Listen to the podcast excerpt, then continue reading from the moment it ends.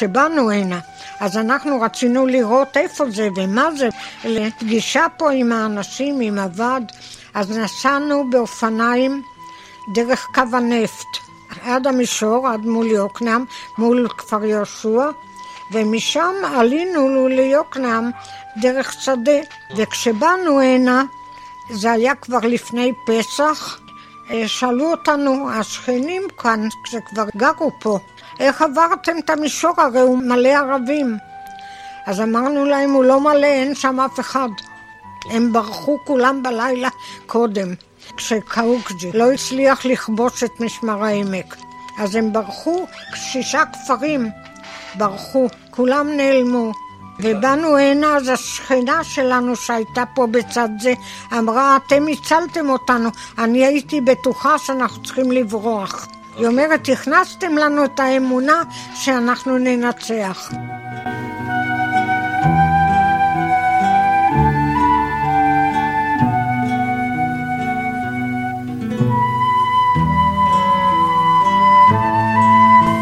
סיפורי שורשים עם עופר שמיר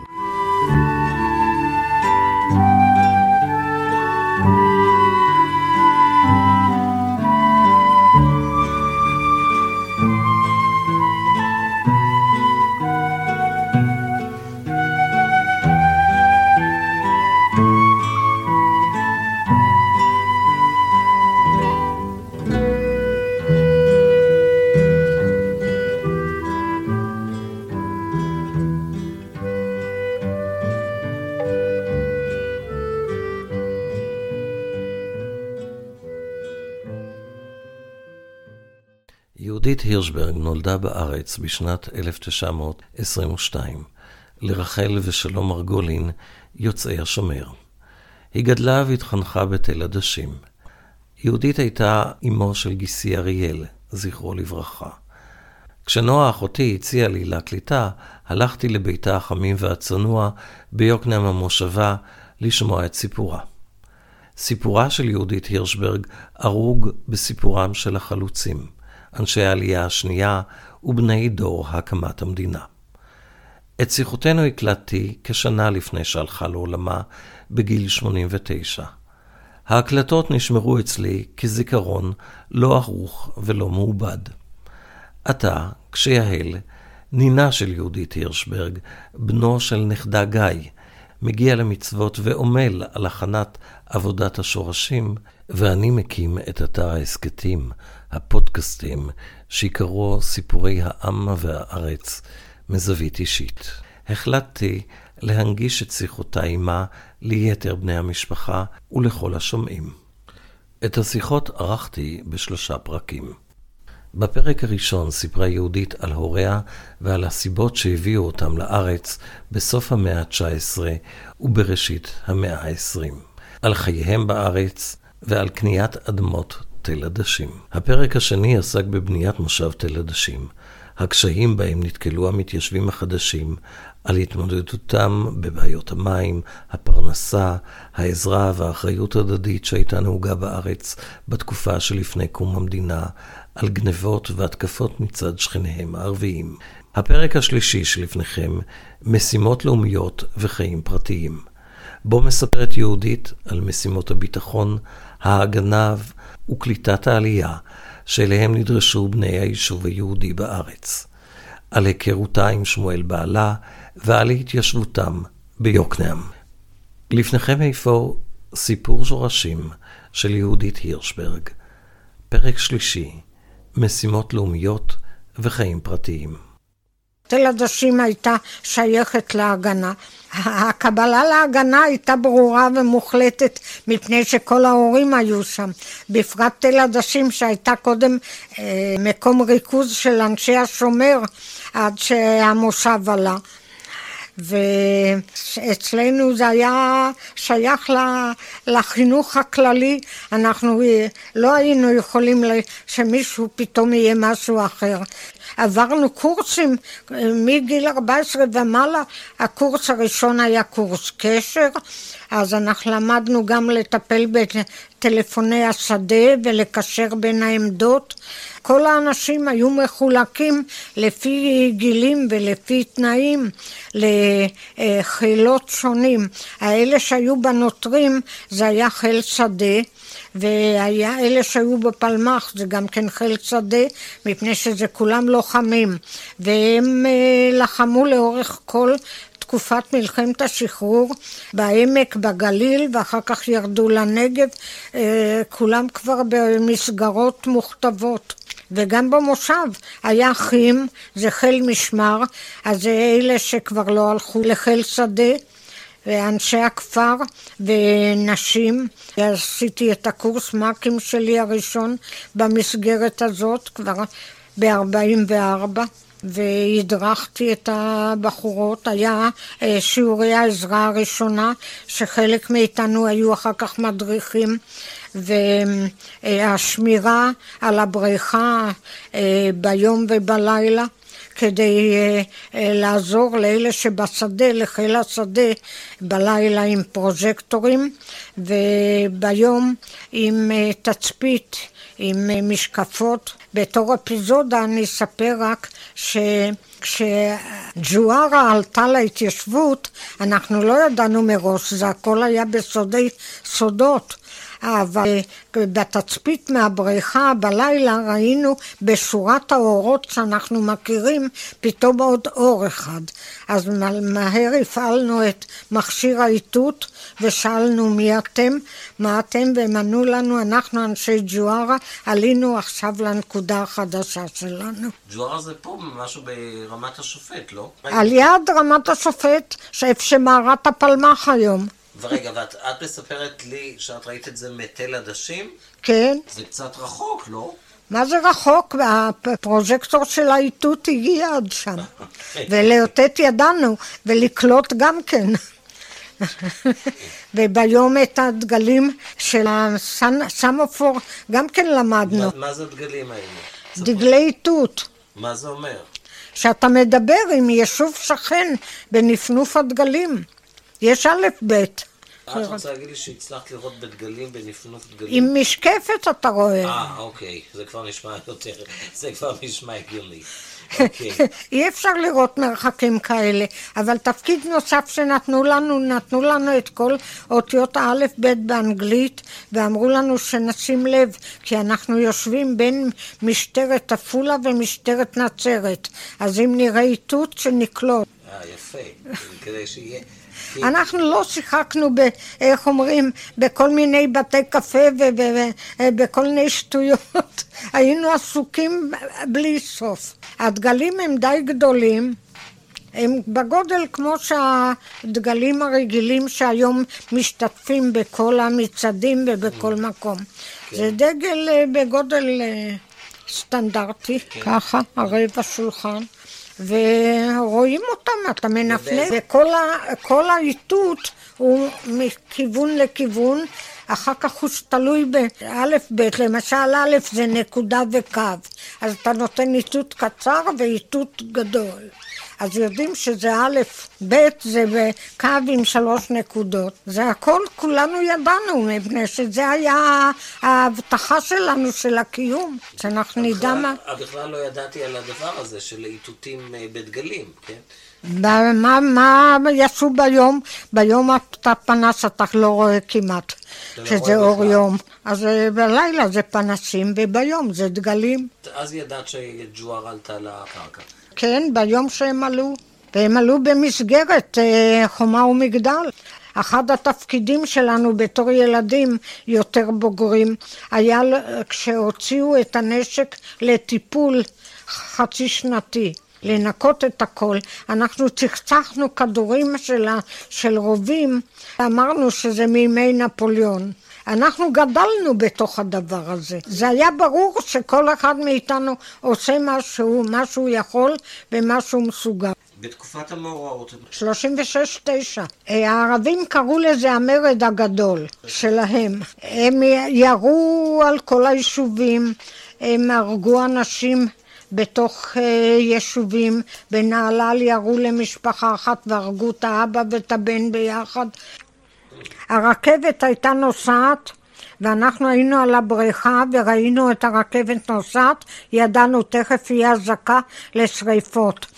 עובדי הקטרים היו ערבים והקטרים עבדו על עצים וזה היה תנור פתוח ועם עט כל הזמן זרקו פחם ועצים פנימה לתוך הקטרים בשביל להפעיל אותם.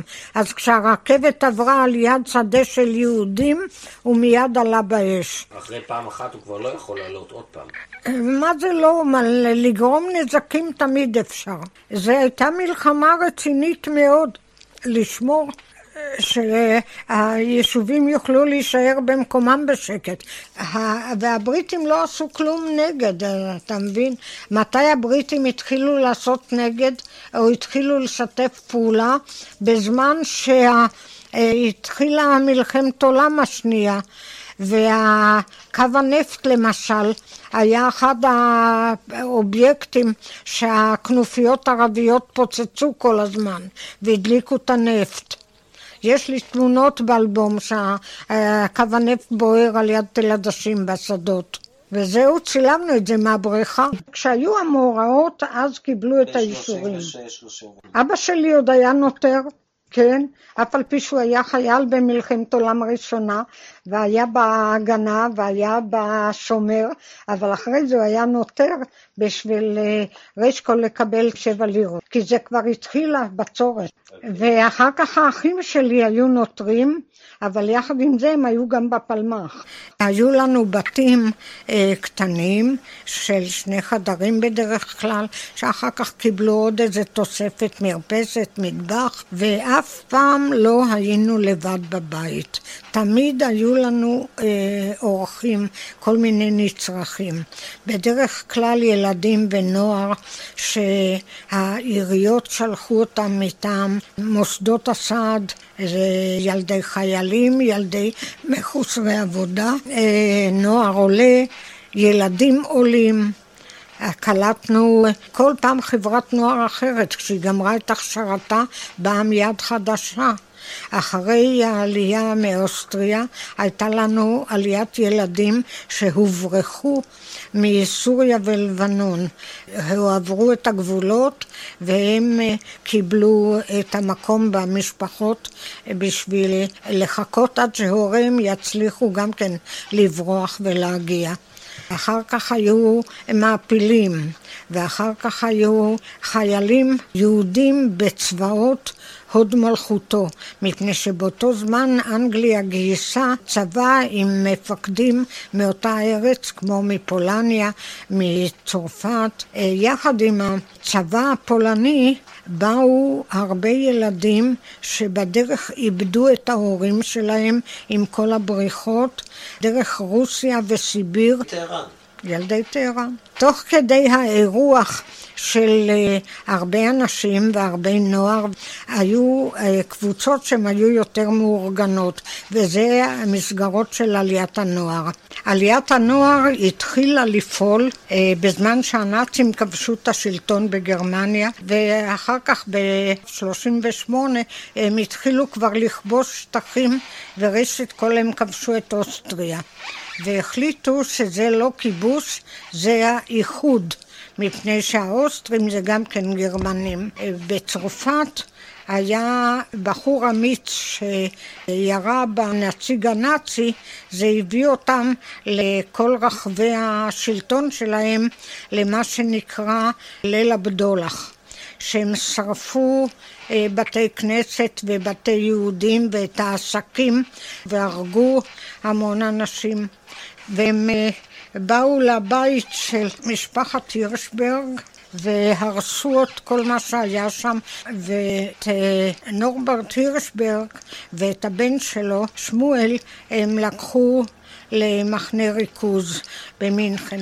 ואת האימא, את בלנקה הירשברג, זרקו מהבית ואמרו לה שהיא צריכה לנקות את המדרכות בווינה, ממחטה. גם עלבון וגם עבודת פרח וגם ללא תועלת. ושמואל זה הילד שהוא היה אז בן 15 לקראת 16, הוא היה רשום לעליית הנוער הם הרשו לצאת מגרמניה למי שהייתה כתובת לאן הוא נוסע. לאנשים שלא היה להם לאן לנסוע, לא נתנו לצאת. וכמובן שלרבים רבים לא הייתה כתובת כזאת, כי העולם התעלם לגמרי ממה שקורה בגרמניה. כשעליית הנוער התחילה לפעול באוסטריה, אז uh, אספו את כל בני ה-15, 16 ומעלה, וגם ילדים, לקבוצות שישלחו כתלמידים לארצות שונות. גם אנגליה קיבלה קצת קבוצות כאלה, אבל בישראל כל היישובים קיבלו קבוצות של עליות נוער כאלה, שהם חצי יום עבדו במשקים וחצי יום הם אה, למדו, כי זה היו כולם תלמידי בית ספר בעצם. אז זאת הייתה הדרך להציל אותם, ראש כל להוציא אותם. והבריטים הסכימו להכניס אותם לארץ כקבוצות לתקופת זמן של שנתיים.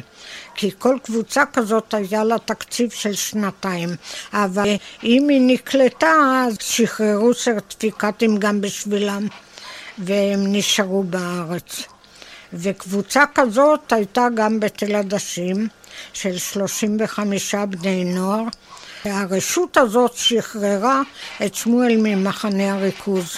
איך הגיעו ההורים שלו אחר כך? המשפחה של שמואל, משפחת הירשברג, היו להם אה, קרובי משפחה שהם היו סוחרים בפרוות ותכשיטים. פתחו חנויות גם מחוץ לאוסטריה, גם בלונדון, וכשהמצב החמיר והתחיל להיות לא בטוח, הם ביקשו רשות כניסה לבני משפחה. אז uh, הרשו להם לתת סרטיפיקטים להורים, אבל uh, לא לארץ ישראל כמו הבן שלהם, אלא לאנגליה. איפה שהמשפחה הזו גרה. והם uh, הגיעו לשם ופרצה בדיוק המלחמה כבר רשמית. ולאט לאט התחילו פצצות ליפול בלונדון והמלחמה גברה ואבא נורברט והדוד שלו ג'אק הם היו שניהם מהנדסים מכניים והם התנדבו לעבודה בבית חרושת לאווירונים. והם היו באנגליה עשר שנים. הם שכרו אה, דירה בלונדון, שבה הם עברו את כל הבליץ, מה שנקרא, את כל ההפגזות על לונדון. אה, בלנקה הירשברג היא הייתה רואת חשבון במקצועה והיא קיבלה עבודה במשרד המסחר והתעשייה עד שנגמרה מלחמת השחרור והם באו ארצה כבר בתור עולים למדינת ישראל. עכשיו, שמואל במקרה היה אורח של משפחת שכנים שלנו. וראיתי אותו כל יום, והוא ראה אותי, והכירו את המשפחות במושב. הקבוצה הזאת זכתה לזוגות מעורבים די רבים, וכולם התחתנו וחיו בארץ. אנחנו היינו נפגשים לא רק במחנות של הנוער העובד, אלא גם בשבתות, בסופי שבוע, בחופשות, בכל מיני הזדמנויות היינו רותמים עגלה. לסוס, לשני סוסים, מה שהיה לנו באותו רגע, ונוסעים, כי גם לא הייתה תחבורה אחרת. ובצורה כזאת אה, הכרנו אחד את השני. בכלל, מי שבחיפה עלה על האוטובוס שנוסע לעמק, הוא כבר הכיר את כל האנשים בפנים, וידע כל אחד לאן הוא נוסע. וככה זה היה? כן. כי חברים היו לנו בעמק מכל הקיבוצים והקבוצות, לא היינו רבים, אז אה, נפגשנו הרבה, כולנו היינו חניכי הנוער העובד. צורת החיים שלנו הכתיבה לנו את המפגשים הקרובים עם כל הנוער הזה, וכך נוצרה חברה אחת. ובתוך החברה הזאת היה גם שמואל וגם אני. כשנגמר התקופה של עליית הנוער, הייתה לחברה הזאת זכות אה, להיות גם בקיבוץ או בקבוצה. הם היו שייכים למכבי הצעיר, וזה היה ארגון הנוער, הרזרבות של חבר הקבוצות בארץ. יצאו לשנה להכשרה לקבוצת משמרות, זה על יד פרדס חנה. חלק מהנוער המקומי הארץ ישראלי של תל עדשים הצטרף אליהם לשנה הזאת כדי שנכיר גם אנחנו מקרוב את חיי הקבוצה. אתם הייתם חברי קיבוץ צעירים, זה בעצם מה שעשיתם. לא, הם רצו שנהיה חברי קיבוץ. בטח שלא, מושבניקים לא הולכים להיות חברי קיבוץ. זה לא עובד, אה? אז אני לא רוצה להגיד את זה בקול רע. את יכולה? כן. למה? זה, זה עובדה, הם אמרו, או, המושבניקים באו מ... הם לא, לא זקוקים להכשרה, הם הולכים לעבוד ישר בכל אומרת, לי לא היה, אני ראיתי את זה, וראיתי שהקיבוץ זה דבר נחמד לצעירים, מצוין, אין להם דאגות, אבל לחיות כל חיי בקיבוץ ולהיות כל יום עם, תלויה בסידור עבודה ובתנאים שלא מצאו חן בעיניי. זה לא מצא חן בעיניי, כל השיתוף שאני כל יום, אני לא יכולה לעשות מה שאני רוצה. משבצים אותי בכל מקום, כמו, כמו כולם. בשבילם זה היה אה, חוויה. בסוף השנה הזאת, היות והמלחמה כבר פרצה והם היו כולם אה, יוצאי גרמניה, אוסטריה, אז הם החליטו שהם מתגייסים למלחמה נגד הנאצים. לגדודים העבריים שהיו בצבא הבריטי, במסגרת הצבא הבריטי. היחידות האלה הם כבר היו יחידות ארץ ישראליות. הם שלטו בכל שטחי המלחמה, בתור נהגים, בתור מהנדסים, בתור טייסים. היו אה, שש יחידות נהגים, שלהם קראנו יעל, מפני שזה היה יחידות עבריות להובלה. אז זה היה הכינוי שלהם. רוב חבריי אה, היו בצבא, בכל המסגרות של הצבא. אני לא הלכתי למסגרות של הצבא, כי ראשית כל החלטנו שאנחנו מתחתנים כדי שלשמואל יהיה בית בחופשות שלו מהצבא, ושהוא לא בודד בעולם. חוץ מזה, אימא שלי הרגישה לא כל כך טוב, ואני החלטתי שחשוב לי להישאר במשק, כי האחים שלי גם כן היו מגויסים. גם לפלמ"ח וגם לנוטרים וגם לצבא, ככה ש... מה עם אביך? כן, הוא עבד, אבל הוא עבד בפלחה, לא במשק החצר. ופלחה זה מהבוקר עד הלילה. חקרו אדמות נוספות כי לא הייתה פרנסה מספיקה. האדמות של תל עדשים היו אדמות רזות, ההורים היו עסוקים מאוד, והנוער בדרך הטבע, לפי מסורת המושב, המשק בנוי כך שההורים וילדיהם יעבדו שם. אבל כשרוב הילדים היו מגויסים לכל מיני מסגרות, אז אי אפשר היה לרוקן את כל המושב. ואני הייתי אחד מאלה שנשארו שם. ועסקתי רק בהגנה האזורית והמקומית בארץ. וב-45 כבר נחתמו הסכמי שביתת הנשק. שמואל היה באיטליה יחד עם כמעט כל חיל התובלה. כשנגמרה המלחמה התחילו לשלוח לחופשת מולדת של חודש את כל החיילים. ואז שמואל בא בחזרה לארץ, לחופשה הזאת, וב-46 שולה נולדה, אחרי שהוא חזר לאיטליה, כי הם עוד לא שוחררו, הם היו צריכים לעסוק בפירוק המחנות, פירוק הצבא הבריטי שבאיטליה, וזה לקח זמן, אבל החיילים שלנו ניצלו את זה כדי להוציא משם ולאסוף כל מי שהם רק יכולים. היו גם חיילים שהיה להם משפחות במחנות והם יצאו לחפש אותם. זה כבר הייתה תקופה של אחרי המלחמה הרשמית, אבל עוד לא שחרור. וב-46 הוא הגיע כבר ארצה, כבר היה משוחרר. אבל גם אז לא יכלו לחזור כל כך פשוט, כי אז בארץ כבר גברה המלחמה נגד הבריטים.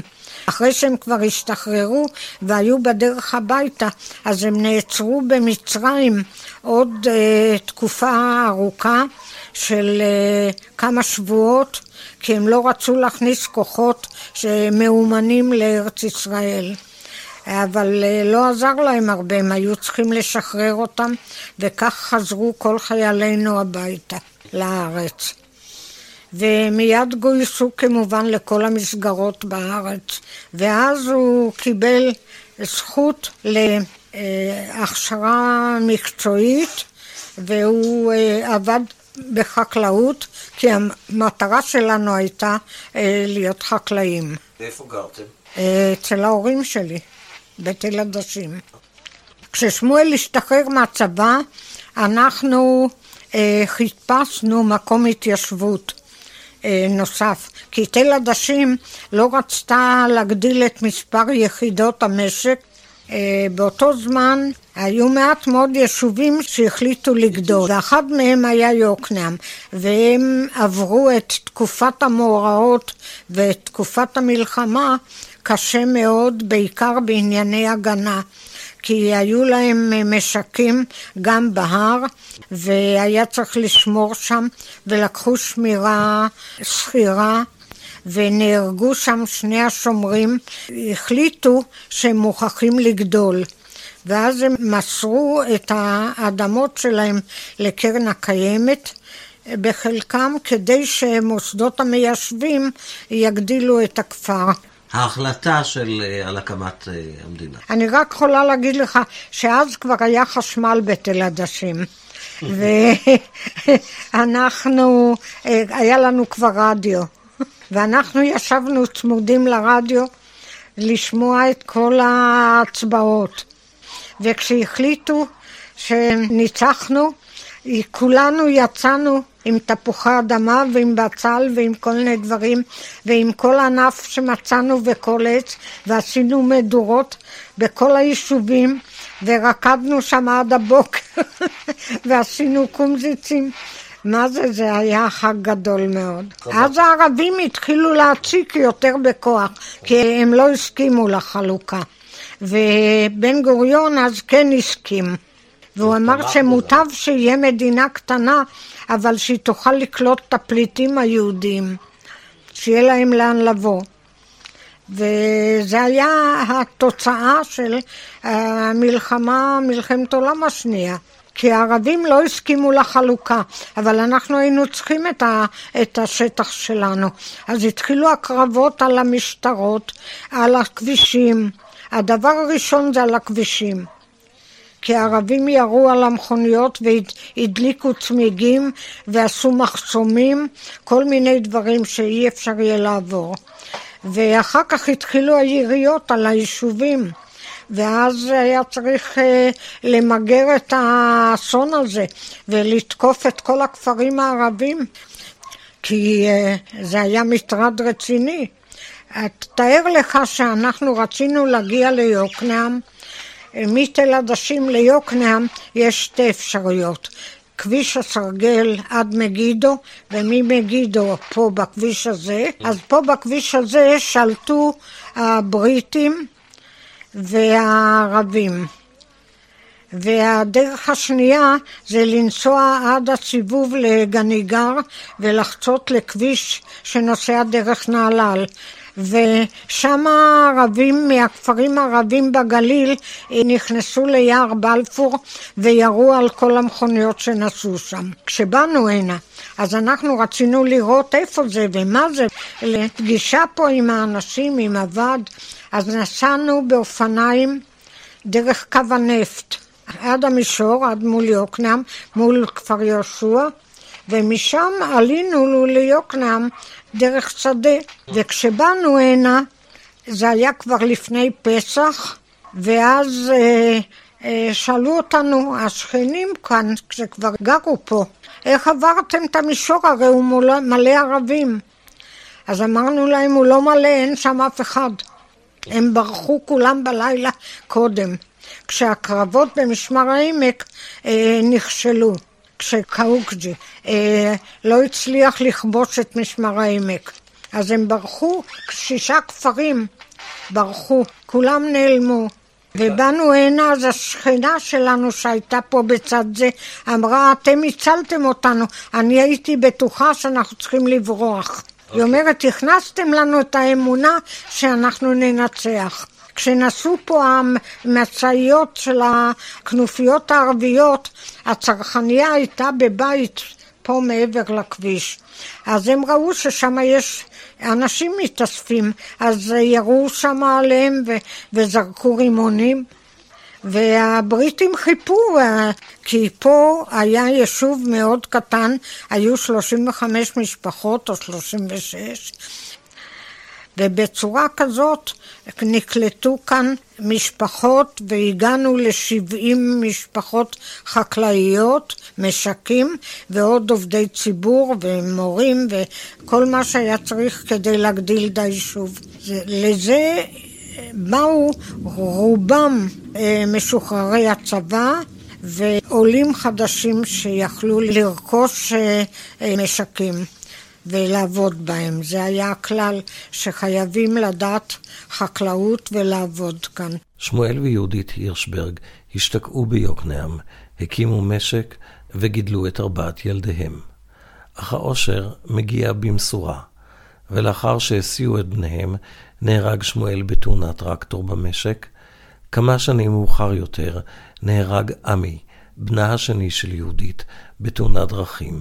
ב-28 בפברואר 1984 נהרג גיסי אריאל, בנה השלישי של יהודית. בשיחותינו, שהתקיימו זמן רב לאחר שהאסונות נדחו על משפחתנו, לא הצלחתי לגעת בהם. לא שאלתי וביקשתי לחמוק מהכאב. יהודית הירשברג נפטרה ב-7 באפריל 2011.